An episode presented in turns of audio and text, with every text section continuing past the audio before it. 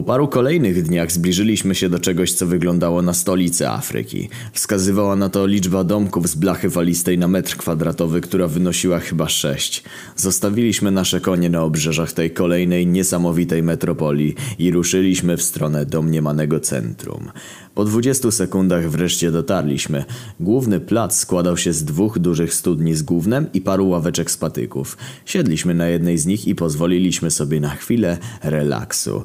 Podróż wycieńczyła nas do tego stopnia, że nie mieliśmy nawet siły na zastanawianie się nad naszą aktualną sytuacją. Jedynie wojna niezmiennie wpatrywał się gdzieś przed siebie, zapewnie myśląc o outsiderze bolcującym właśnie Agatę. Spokojnie. Pewnie rzucił na nią jakąś klątwę czy coś. No niemożliwe, żeby sama wygarnęła ci to wszystko. Próbowałem go pocieszyć. Skąd wiesz? spytał smutno. Bo jest kobietą, odpowiedziałem i ścisnąłem w dłoniach akwarium ze szprotką. Naprawdę nie wiem, jakim cudem wciąż się ruszała. Już nawet nie chodzi o to, że cały czas pływała w wodzie, ale bardziej o to, że zapasy jedzenia skończyły się dwa dni temu i nawet my już ledwo żyliśmy. Skubana była naprawdę silna. Nie można było tego powiedzieć jednak o głodzie, który ledwo był w stanie się ruszać. W przeciągu ostatnich paru godzin spadł z konia co najmniej cztery razy. Z wyraźną ulgą rozłożył się teraz na kolanach śmierci, któremu jakimś cudem dopisywał humor. Miałem nadzieję, że nie było to spowodowane napiętą relacją wojny i jego dziewczyny. Nie zdziwiłbym się, gdyby wciąż żywił do niej jakieś głębsze uczucia. Z nim to kurwa nigdy nic nie wiadomo. Osobiście nie czułem się nawet tak tragicznie. Skręty żołądka i zbliżający się udar słoneczny nie były wcale takie straszne. Chęci do życia nie miał już żaden z nas, więc nie mogę powiedzieć, że byłem pod tym względem wyjątkowy. Chyba mam halucynację, stwierdził nagle śmierć. Czy wy też widzicie tego lisa? Odwróciliśmy się. Po uliczce rzeczywiście szedł rudy jak rykastli lis. Co do kurwy? Spytał Głód podnosząc głowę. Z tego co pamiętam, to żyją tu tylko te małe senki, czy jakim tam. Tutaj wygląda na naszego polskiego zasrańca. Może to jakiś Bóg pod przykrywką? Spytałem niepewnie. No to zajebiście się wtopił w tłum. Słuchajcie, to naprawdę nam odpierdala. Chciałem przełknąć ślinę, ale w mojej wysuszonej mordzie już jej nie było. Chłopaki, tam stoi jakiś wiking. O kurwa, bez kitu, powiedzieli bracia. Pod ścianą najbliższego domku w istocie stała jakaś postać, która swoją całą aparycją niesamowicie przypominała nordyckiego imigranta i jednocześnie podróżnika w czasie. Jego długa broda sięgała mu do piersi, a u paska dyndał sporych rozmiarów toporek. A tam? Wojna wskazał na jakiś punkt w oddali. Czy ten koleś ma kurwa dziurę w brzuchu? Afroafrykanin, który przechodził obok, rzeczywiście miał cały pusty środeczek. Ogromny otwór w jego ciele pokazywał brak jakichkolwiek wnętrzności. Niewzruszony naszą obecnością ruszył gdzieś dalej, znikając po chwili między domkami. Dobra, to już jest chore. Stwierdził Głód podnosząc się z kolan śmierci i spuszczając wzrok na lisa, który rozłożył się pod jego nogami. Czy my zamiast wody piliśmy płynne LSD? A może ta wioska jest po prostu popierdolona, powiedział Wojna. Może lisy, wikingowie i ludzie są puści w środku, na porządku dziennym tutaj. Jesteśmy pierwszy raz w Afryce. Kto wie, jakie dzikie inby się tu odbywają? Ja bym stąd spierdalał, powiedziałem cicho. Najpierw upewnijmy się, że nie ma tu Jana. Odparł śmierci, podpierając się swoją kosą, postawił kilka kroków. Głód. Zakładaj sutannę. Nasz wycieńczony brat posłusznie wsunął na siebie czarny fartuszek i obdarzył śmierć pytającym spojrzeniem. Ej, ludzie, znaczy się, Afroafrykanie.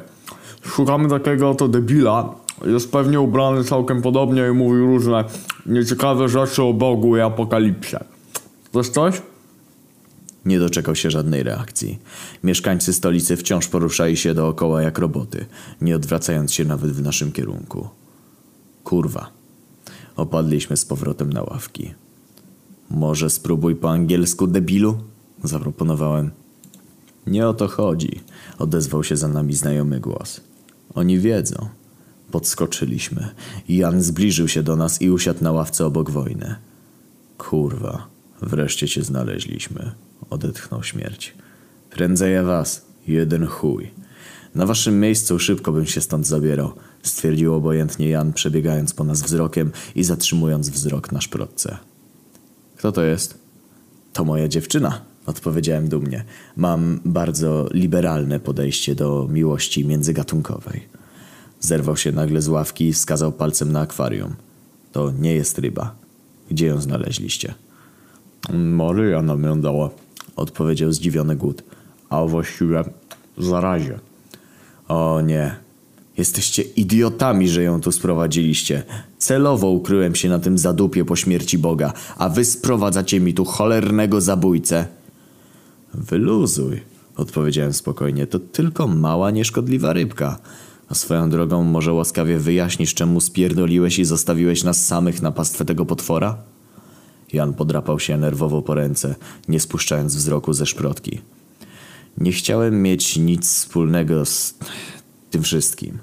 Wam nie sprawia trudności, niszczenie autorytetów, ale dla mnie Bóg był czymś więcej niż ojciec. Szlak, byłem przecież pierdolonym apostołem, a my twoimi synami. Nie byłbym w stanie oglądać żadnej śmierci, ani waszej, ani jego. Pizda, odparłem. Ale dlaczego akurat Afryka?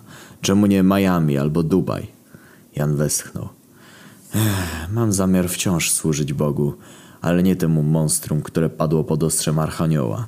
Mam zamiar wykonywać wolę Boga, który wciąż pozostał w mojej głowie i w głowach ludzi, którzy wciąż w Niego wierzą. Co za różnica, czy on naprawdę żyje?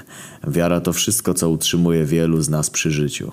Dlatego postanowiłem zostać misjonarzem i pomagać tym biednym ludziom, e, e, afroafrykanom budować chatki z blachy falistej i kopać studnia z gównem.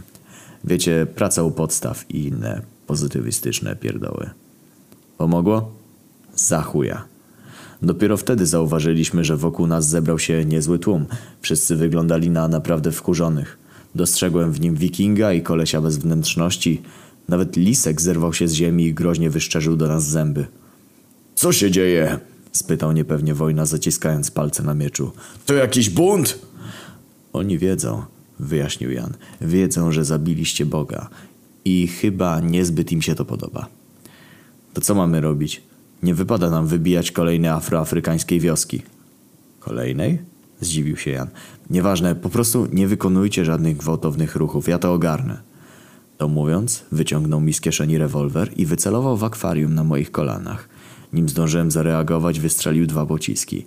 Brzęk tłuczonego szkła i chluśnięcie ciepłej wody trochę mnie otrzeźwiło. Coś ty kurwa zrobił! Wydarłem się na cały głos. Jan uśmiechnął się dziwnie i oddał mi broń. Po prostu patrz. Kałuża zaczęła się dziwnie dymić. Wyglądało to tak, jakby nagle zaszła jakaś dziwna reakcja chemiczna.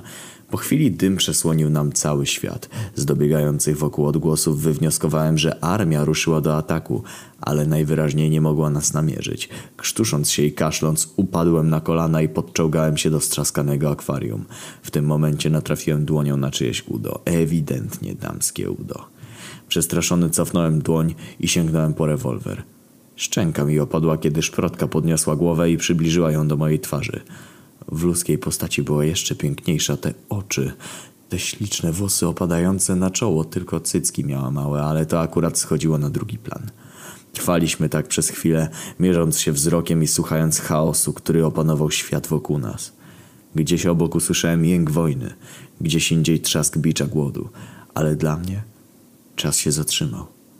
Nie mogłem spuścić wzroku z istotki, którą przetransformowała się moja rybka. Więc jednak Jan miał rację.